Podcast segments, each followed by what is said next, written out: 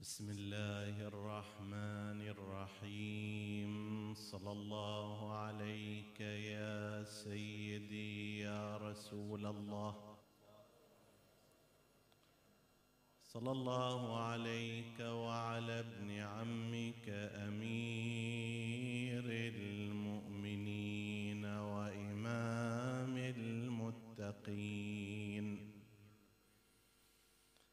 صلى الله عليك يا سيدي ويا مولاي يا أبا عبد الله الحسين. وعلى الأئمة المعصومين من ولدك الطاهرين سيما أبا الحسن الرضا. صلوات الله وسلامه عليه. ما خاب من تمسك بكم وأمن من لجأ إليكم. يا ليتنا كنا معكم فنفوز فوزا عظيما. ماذا أطل عوالم التكوين فتجلببت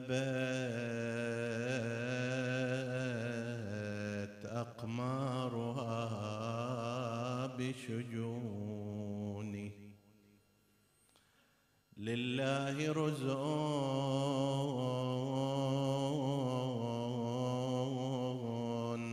زلزل السبع الطباق فأعولت برنيني.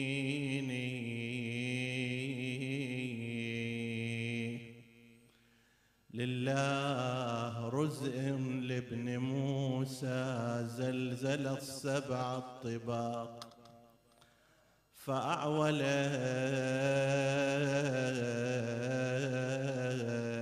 برنيني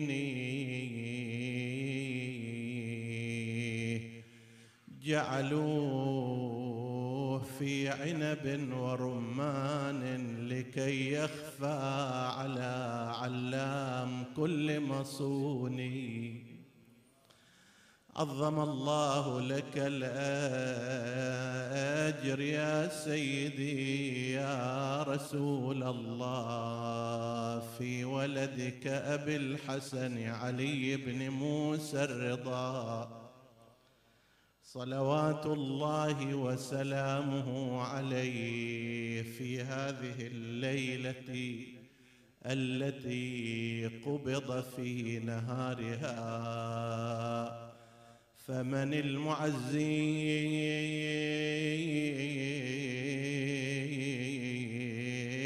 من نزار أسرة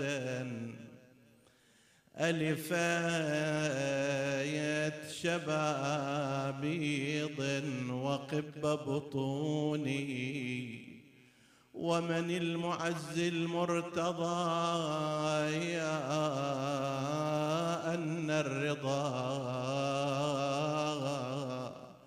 نال العدا منه قديم ضغوني بلى نعى الإمام الرضا نفسه قبل موته. فقال لدعبل وهو ينشئ قصيدة ألا أضيف لك بيتين من الشعر يكون بهما تمام القصيدة؟ قال بلى قال قل وقبر بطوس يا لها من مصيبة ألحت على الأحشاء يا, يا بالزفرايات.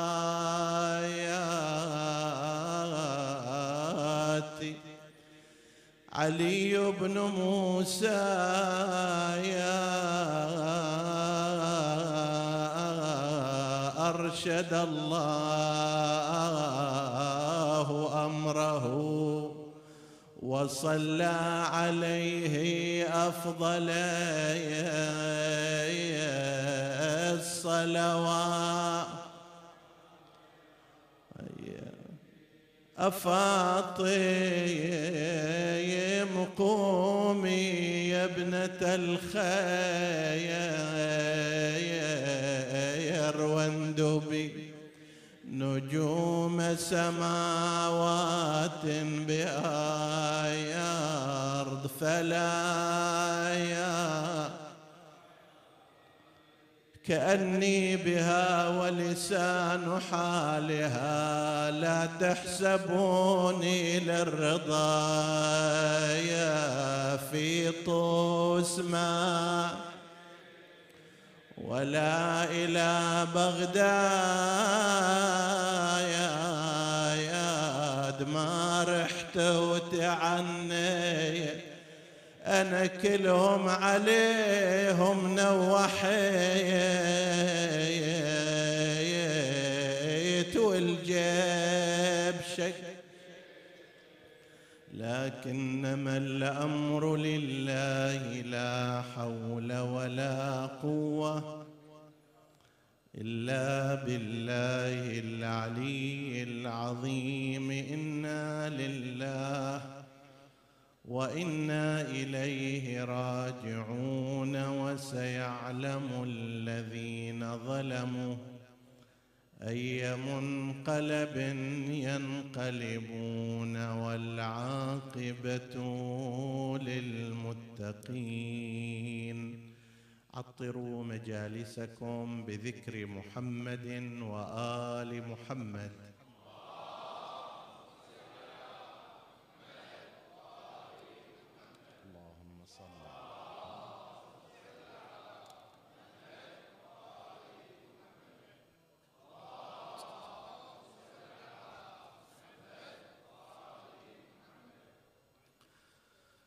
نعزي رسول الله صلى الله عليه وآله والعترة الهادية بشهادة ثامن الأئمة الإمام أبي الحسن علي بن موسى الرضا سلام الله عليه. ونسأل الله الذي عرفنا إياه في حياتنا أن يجمع بيننا وبينه في الجنة وأن يكرمنا بشفاعته وشفاعة آبائه وأبنائه إنه على كل شيء قدير. ونتحدث هذه الليلة في شيء من سيرة حياته المباركة نسلط فيها بعض الضوء على نقاط مهمة في حياته. إمامنا الرضا عليه السلام ولد في سنة مئة وثمانية وأربعين هجرية على قول ومئة وثلاثة وخمسين هجرية على قول آخر.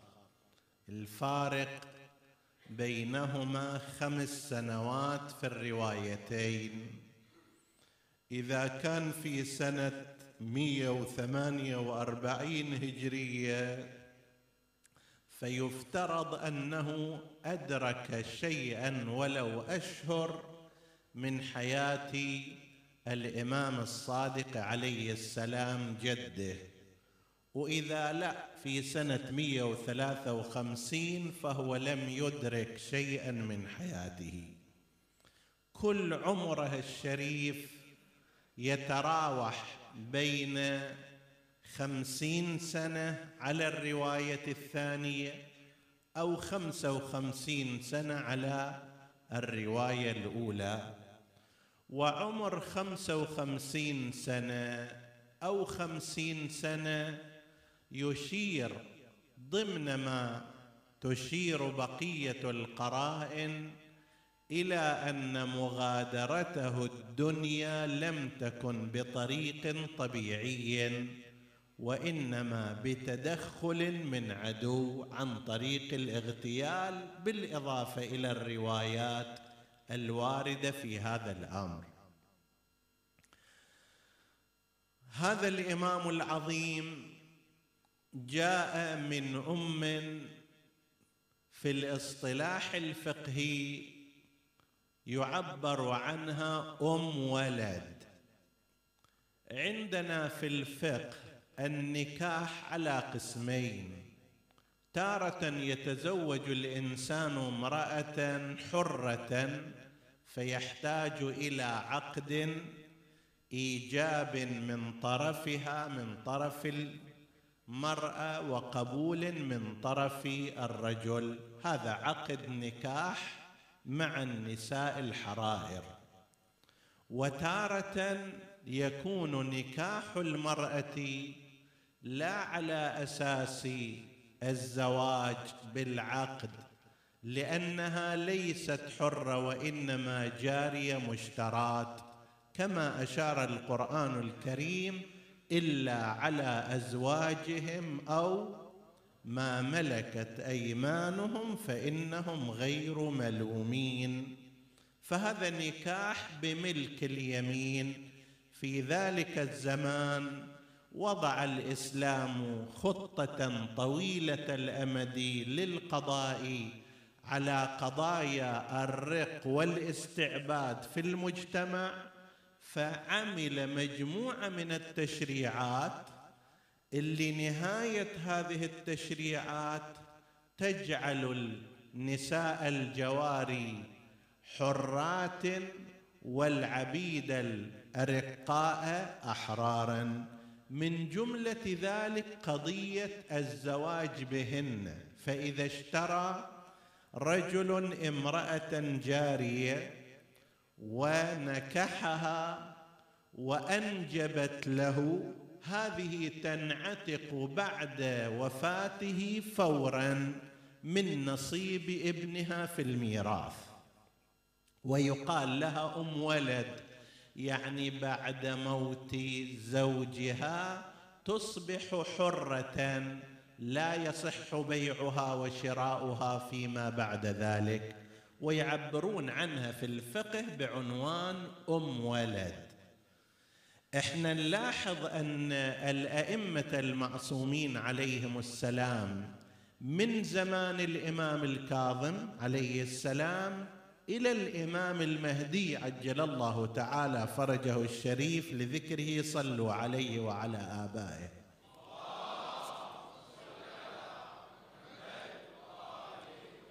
من زمان الإمام الكاظم إلى زمان الإمام الحجة أمهات المعصومين كلهن أمهات أولاد. يعني ليست نساء عربيات ليست حرات وإنما اشترين ولهذا فلسفة طويلة أشير فيها إشارات سريعة هكذا. اولا ما قلناه من أن الإسلام أراد أن يقضي على ظاهرة الرق وكان هذا أحد الوسائل. ثانيا يريد الإسلام أن يقمع هذه العزه الكاذبه عند بعض المجتمعات في أنها أفضل من غيرها والعربي بالذات كان يرى نفسه أفضل من كل أحد في الدنيا. منين أنت جايب هاي الأفضلية؟ هناك مجتمعات ذات حضارات تاريخية قديمة تعرق فيها العلم تعرق فيها الأخلاق الحضارية.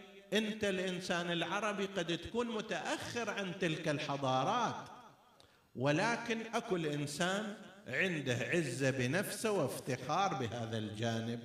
فحتى يجي الإسلام يكسر هذه الحالة يجي يقول أنت إمامك المعصوم الذي هو أفضل البشر في زمانه هذا ناتج من بني هاشم وناتج من تارة امرأة نوبية أخرى مغربية ثالثة هذه مثلا والدة الإمام الرضا عليه السلام اللي تعددت أسماؤها تارة يقال نجمة أخرى تكتم ثالثة خيزران وهذه قد تكون الأسماء تابعة إلى اختلاف المراحل. يعني قبل ما تجي إلى الإمام كان اسمها بالشكل لما جاءت إلى الإمام غير اسمها. هذه تكتم أو نجمة أو خيزران. بعض الروايات تشير إلى أنها كانت من أقصى المغرب وقريب من المناطق الأوروبية لذلك في بعض أوصافها أنها الشقراء الخيزران الشقراء طيب أو المغربية الشقراء. فهذه من النساء من مجتمع من أسرة. أنت صحيح ما تعرفها وليست عربية لكن هل الفضل فقط في العرب؟ لا هناك أيضا أسر فاضلة هناك قيم عالية في سائر المجتمعات حتى لقد قيل في شأنها أنه عندما رآها رجل من علماء أهل الكتاب رآها عند هذا الرجل الذي يبيع الجواري قال لمن هذه الجارية؟ قال لي. قال ما ينبغي أن تكون عندك؟ مو مو أهلها. قال لما قال لأنها يجب أن تكون عند خير أهل الأرض فتلد له خير أهل الأرض. هذا مما نعرفه من علمنا. العلم المخزون عندنا أنا كواحد وارث لهذه العلوم أرى هذا الأمر.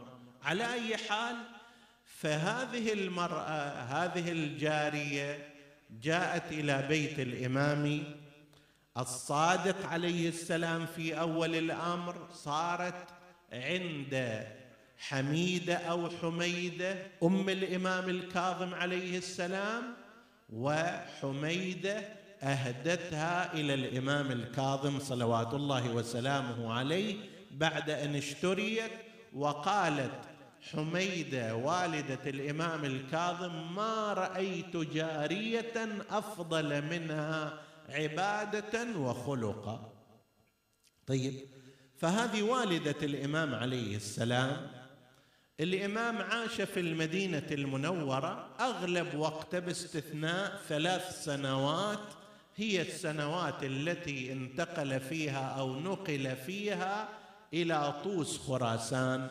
وإلا الفترة قبل هذا يعني سبعة وأربعين سنة أو اثنين وأربعين سنة حسب اختلاف الروايات. هذه كان في المدينة المنورة والإمام عليه السلام الإمام الرضا بدأ بممارسة العلم والتدريس والدرس في وقت مبكر جدا. وكانت له حلقة في مسجد رسول الله صلى الله عليه وآله. كان يؤخذ عنه العلم. وتعلمون أن الإمام الرضا بعد الإمام الباقر وبعد الإمام الصادق عليهما السلام من أغزر الأئمة عندنا من حيث الروايات والأحاديث. وأحد العلماء شيخ حبيب الله عطاردي عنده سلسلة مسانيد الأئمة عليهم السلام يعني الروايات التي رويت مثلا عن الإمام الكاظم فقط كتاب. الروايات اللي رويت عن الإمام الصادق عن الإمام الرضا عن كذا عن كذا. شوف مثلا لما يجي إلى ما روي عن الإمام الرضا عليه السلام ثمانية مجلدات هي مسانيد الإمام الرضا. في التفسير في العقائد في الفقه في سائر الفنون والقضايا. هذا المقدار اللي اطلع عليه هذا العالم وهو ثمانية مجلدات. بعض علمائنا مثل الشيخ الصدوق على الله مقامه متوفى سنة 381 هجرية انتخب أهم الأخبار اللي سماها العيون وكتب كتابا عيون أخبار الرضا عليه السلام. يأتي في مجلدين ضخمين يعني كل مجلد ثمانمائة صفحة. هذه اللي في رأيه الأخبار المهمه الأخبار العيون العالية. طيب هذه كانت في فترات بقاء الإمام الرضا عليه السلام في المدينة وفي الفترة أيضا اللي انتقل فيها إلى مرو خراسان. الإمام عليه السلام خلال هذه الفترة أنتج من العلم ومن المعرفة شيئا كثيرا ويعده بعض الباحثين مفجر النهضة الثقافية عند الشيعة في مرحلتها الثالثة.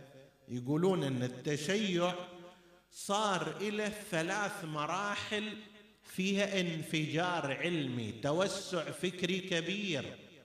المرحلة الأولى كانت زمان أمير المؤمنين عليه السلام. إمام علي لما اجى تكلم بكلام لا يعرفه كل الصحابة.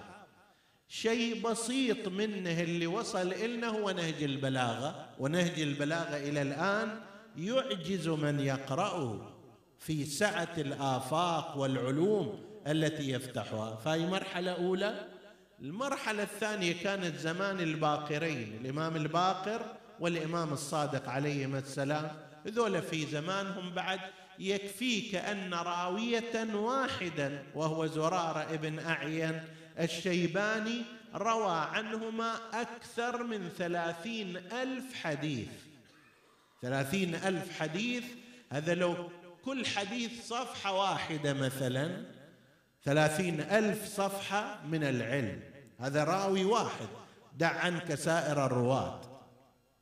والمرحلة الثالثة يتكلمون عن زمان الإمام الرضا عليه السلام أنه كان مفجر النهضة الثقافية والعلمية في زمانه صلوات الله وسلامه عليه.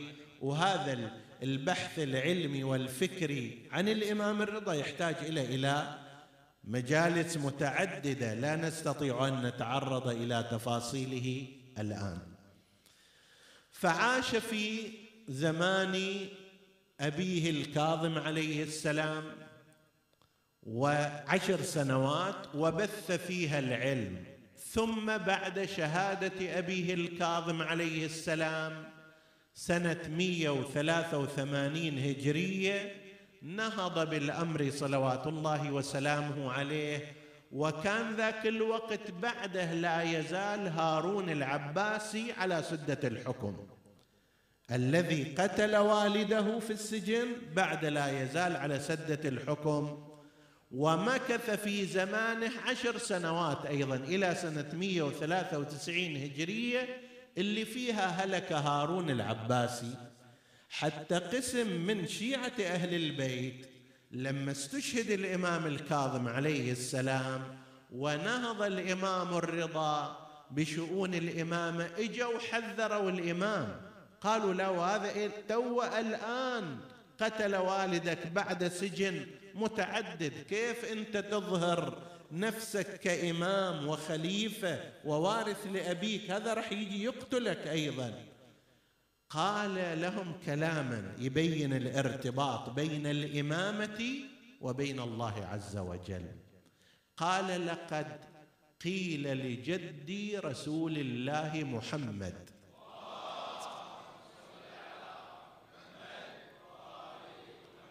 إن كفار قريش أبا لهب وأبا جهل وأبا سفيان وفلان يتهددونك بالقتل يقتلونك.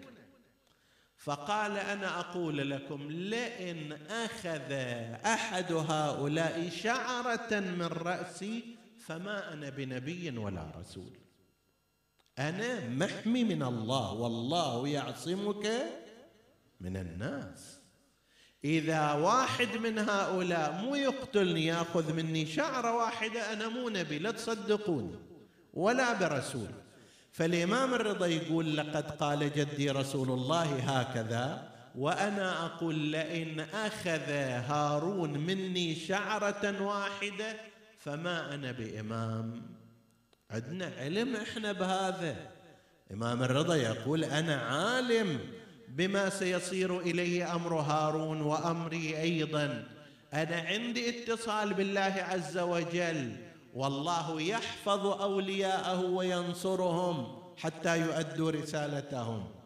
وبالفعل بقي عشر سنوات كاملة من 183 هجرية شهادة الامام الكاظم عليه السلام إلى سنة 193 هجرية اللي هلك فيها هارون. وبالفعل لم يلمس الإمام الرضا عليه السلام في تلك الفترات. كان في المدينة مارس أدواره بلغ رسالته درس ما شاء له التدريس إلى أن هلك هارون وانتهى أمره. إجا الآن في زمان المأمون العباسي طبعا أول تولي الإمام الرضا عليه السلام للإمامة واجه فد معضلة من قبل بعض المنحرفين. وهم من أسسوا فيما بعد مذهب الواقفية. الإمام الكاظم عليه السلام كما تعلمون في زمانه في السنوات الأخيرة كان معتقلا في سجن هارون. هذول الوكلاء كل واحد وكيل يستلم عن الإمام. يجيب الناس بما يعرف من العلم يستلم عن الإمام الأموال والحقوق الشرعية وهكذا. الوكلاء هم قسمان. قسم إنسان مستقيم على الطريقة وقسم آخر لا تجد الشيطان يعبث به ولو متاخرا. الان ما عنده شيء؟ فما يسوي شيء.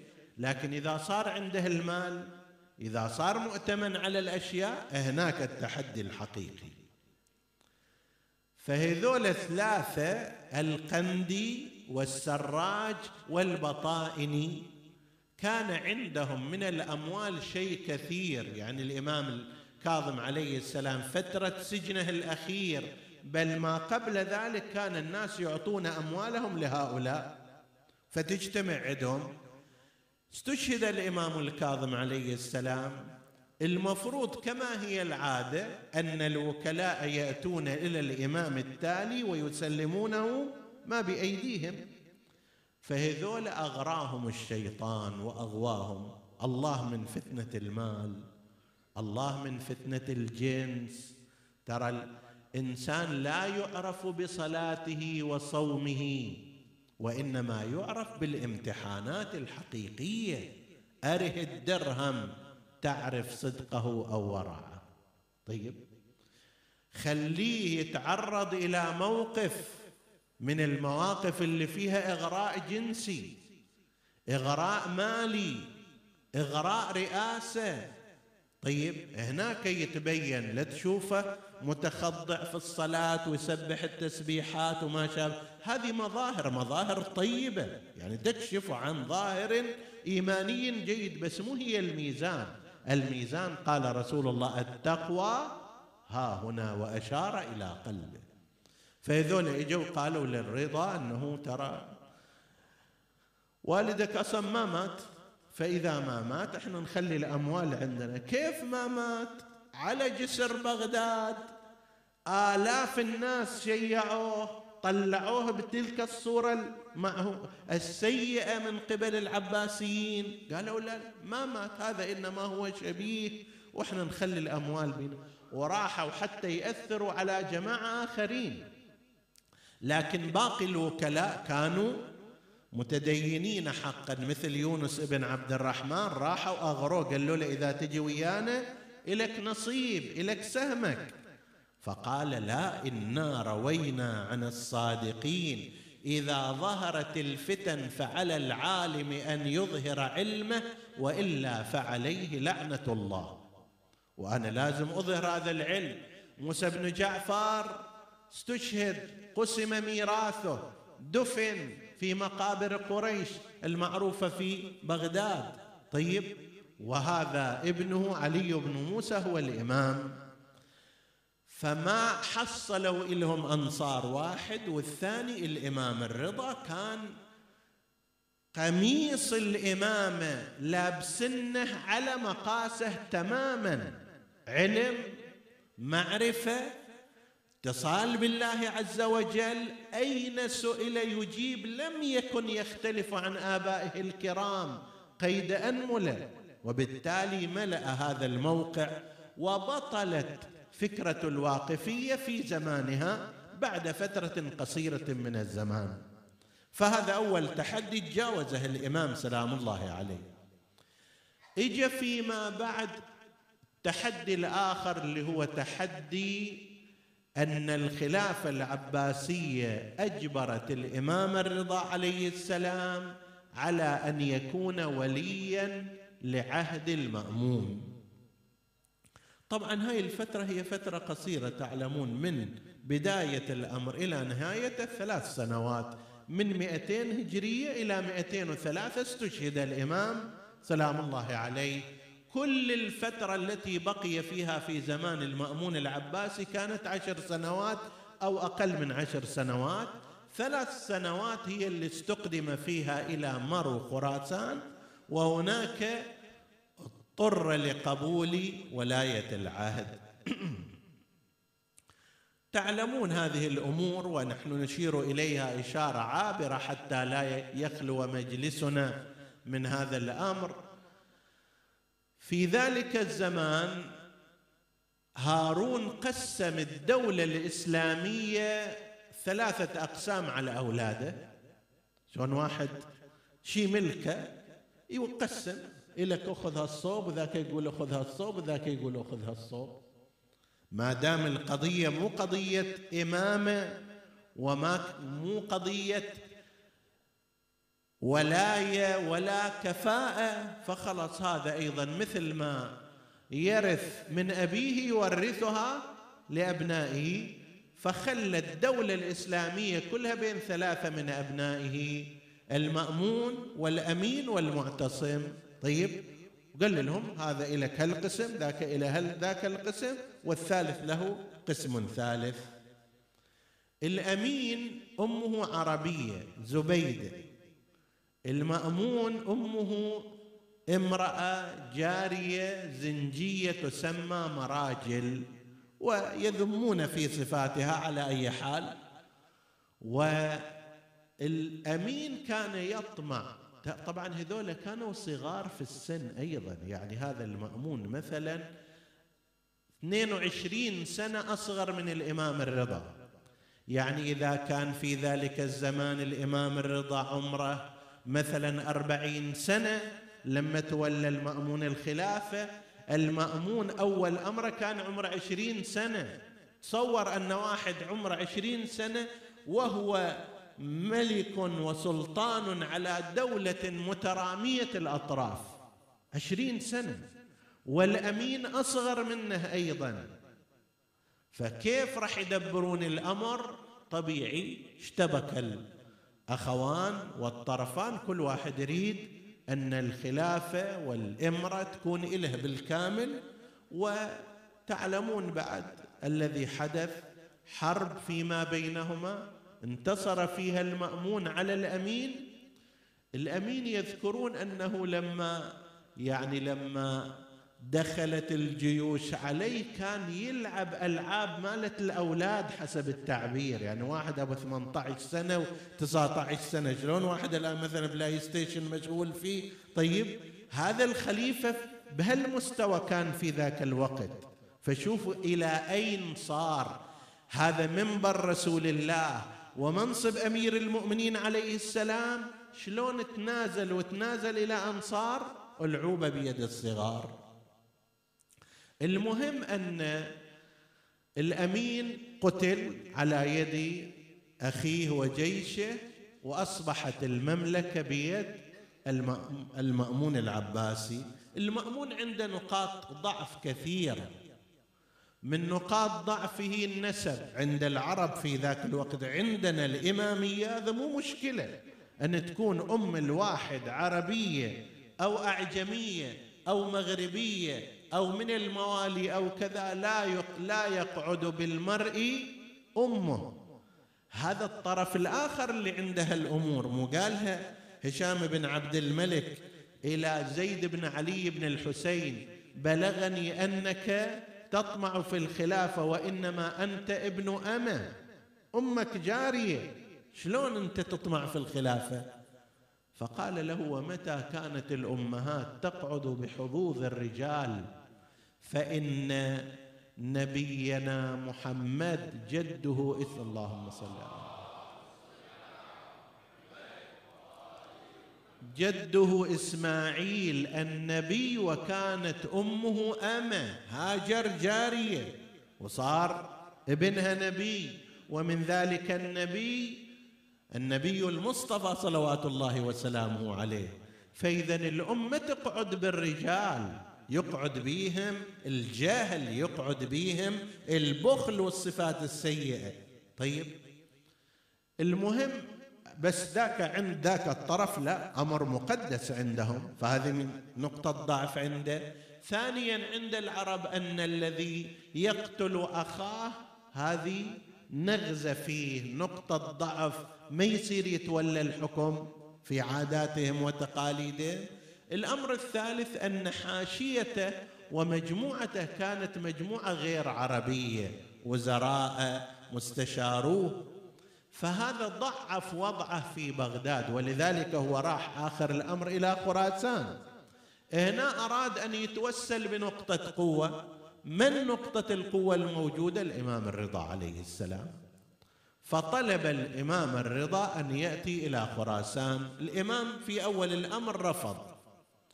فقال له الرسول أنه إذا لم تأتي بنفسك تستحضر يعني مو بكيفك حسب التعبير تتعرض إلى القتل تتعرض إلى الأذى. وأئمتنا عليهم السلام ما كانوا بهذه الصورة من من يحبون العنف والمواجهة لأقل الأسباب فبالفعل جاء إلى مروا إلى خراسان. هناك المأمون عرض علي قال له أنه أنا أريد أن أتنازل عن الخلافة وأعطيك إياها. فالإمام الرضا عليه السلام رجل إمام حكيم فاهم المعادلة قال له إذا الخلافة مو إلك كيف تعطيها إلى غيرك.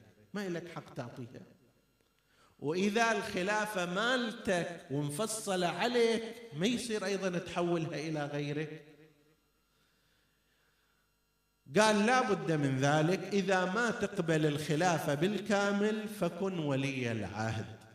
قال له أيضا أنا لا أرى نفسي يعني أقوم وأفعل وأصنع وكذا ونفس الكلام فهنا تهدده المأمون قال إنك تسارع إلى ما أكره وقد أمنت سطوتي. ترى أنا عندي نفس السيف اللي كان عند والدي مع أبيك. يعني السلطان هنا بعد ما يعرف إن الملك عقيم ما يعرف بعد أرحام ولا هم يحزنون. طيب قال إنك تسارع إلى مساءتي وإلى ما أكره فإن لم تقبل أكرهتك علي فإن أبيت قتلتك. هنا بعد الإمام عليه السلام قال إن الله لم يأمرني بأن بأن ألقي بنفسي إلى التهلكة لكن أتولى على شرط أن لا آمر ولا أنهى ولا أولي ولا أعزل ولا أصنع شيئا. هنا بعد بدأ صراع السياستين أيهما الأذكى في تنفيذ ما يريد الإمام الرضا قبل مكرها. عامة الناس نظروا إلى أنه خوش شيء آخر شيء رجعت الخلافة إلى موقعها الطبيعي صار الإمام الرضا هو الخليفة. فكان الإمام عليه السلام يخبر هؤلاء المتفائلين والفرحين والمسرورين بأن هذا أمر لا يتم. ما يصير هذا؟ وإنني أموت قبل المأمون. كيف يصير ولي عهد؟ وإني أعلم من يقتلني وأعرف من يقتلني. طيب. بس مع ذلك الإمام عليه السلام حاول أن ينتفع بهذه الفرصة التي أتيحت إليه. انتفع بها بأنه صار بلاط الخلافه العباسية بدل ما يصير محل رقابة على الإمام الرضا عليه السلام صار ديوان لنشر فضائل آل محمد.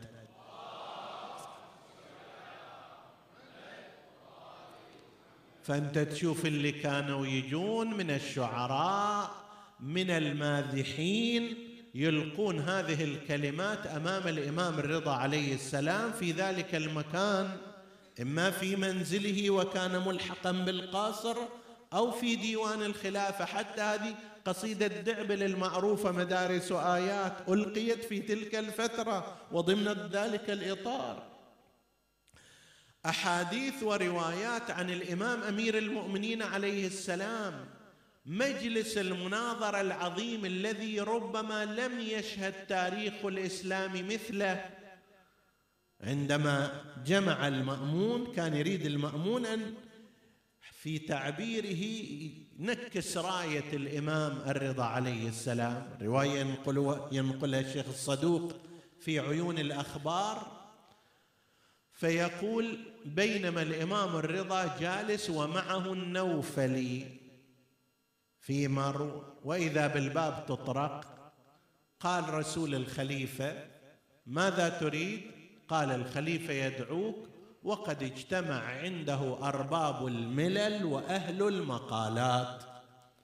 رئيس اليهود رئيس النصارى رئيس الصابئة رئيس الفلاسفة رئيس الدهرية كل هذول موجودون هناك والمجلس غاص بأهله. فالتفت الإمام الرضا عليه السلام إلى هذا صاحبه النوفلي قال ترى ماذا يريد المأمون؟ قال يا سيدي أنت أعلم. فقال أنت أجب. قال هذا النوفلي قال للإمام الرضا إنه قد جمع لك أناس لا يعتقدون لا بالقرآن ولا بكلام جدك رسول الله وسيسألونك أسئلة. فإذا تقول القرآن قال شكل يقول؟ لك أنا ما أعترف بالقرآن. جيب لي دليل غير هذا. تقول النبي قال كذا يقول لك أنا ما أعترف بالنبي مالك. طيب. فلا تكون لك حجة هالشكل يريدك. فتبسم الإمام الرضا قال بلى هو كذلك. لكن أتدري متى يندم المأمون؟ قال متى يندم؟ قال عندما يراني أناظر أهل التوراة بتوراة موسى وأهل الإنجيل بإنجيل عيسى وأهل الصابئه بما جاء عن يحيى وبأهل الفلسفة بما جاء عنهم وأغلبهم بحول الله وقوته عندئذ يندم المأمون. يقول أنا مو خوش سويت اللي جبت هذا في هالوقت وعرفته بشأنه. بالفعل جاء الإمام الرضا عليه السلام وابتدأ المجلس بزعيم النصارى الجاثليق يسمونه أو حسب تعبيرنا اليوم رئيس الكاثوليك في ذاك الوقت يسمونه الجاثليق. فبدأ يتحدث أنه أنتم المسلمون تعترفون بعيسى وقرآنكم يصدقه لكننا لا نعترف بنبيكم ولا نجد دليلا على ذلك. فقال له الإمام عليه السلام تحفظ من الإنجيل شيئا؟ قال أنا رئيسهم أحفظ الإنجيل. قال اقرأ معي.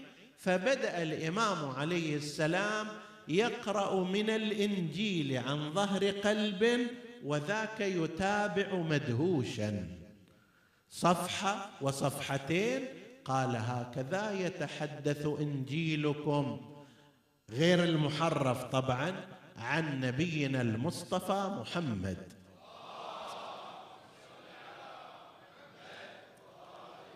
ونفس الكلام في التوراة ونفس الكلام عند الصابئة كل واحد حتى قيل أن الصابئي عمران الصابئي رئيس الصابئة في ذلك الوقت وصل وياه إلى قريب الظهر وإذا بالمؤذن يؤذن.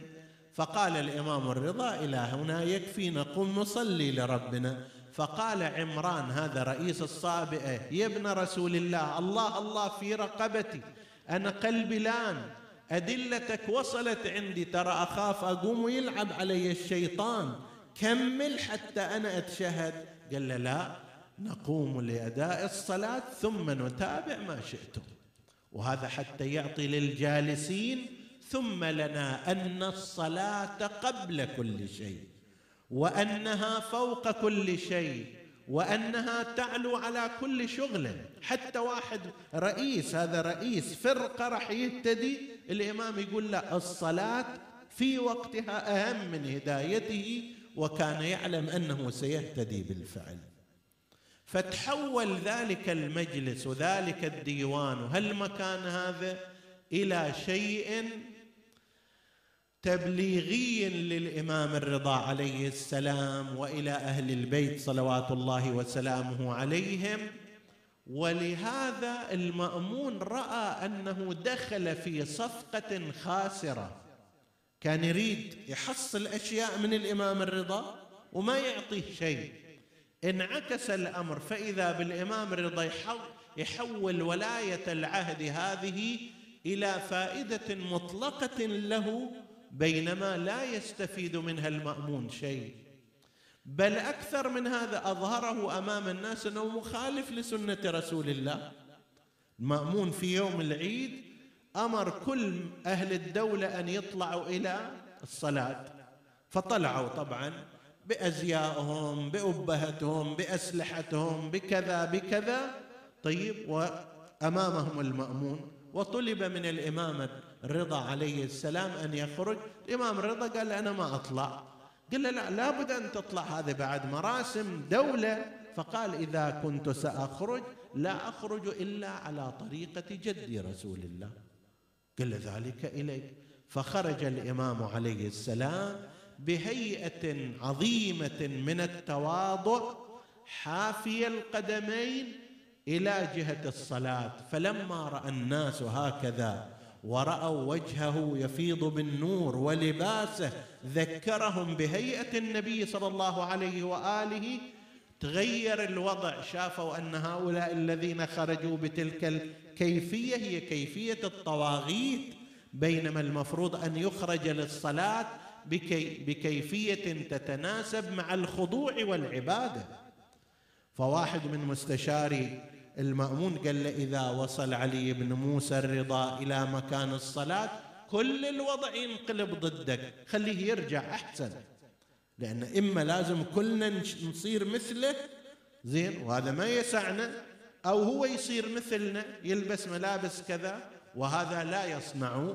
ففعلا أرسل إلي أنه يبنى موسى ارجع إلى مكانك من زاحمك؟ خليك على راحتك.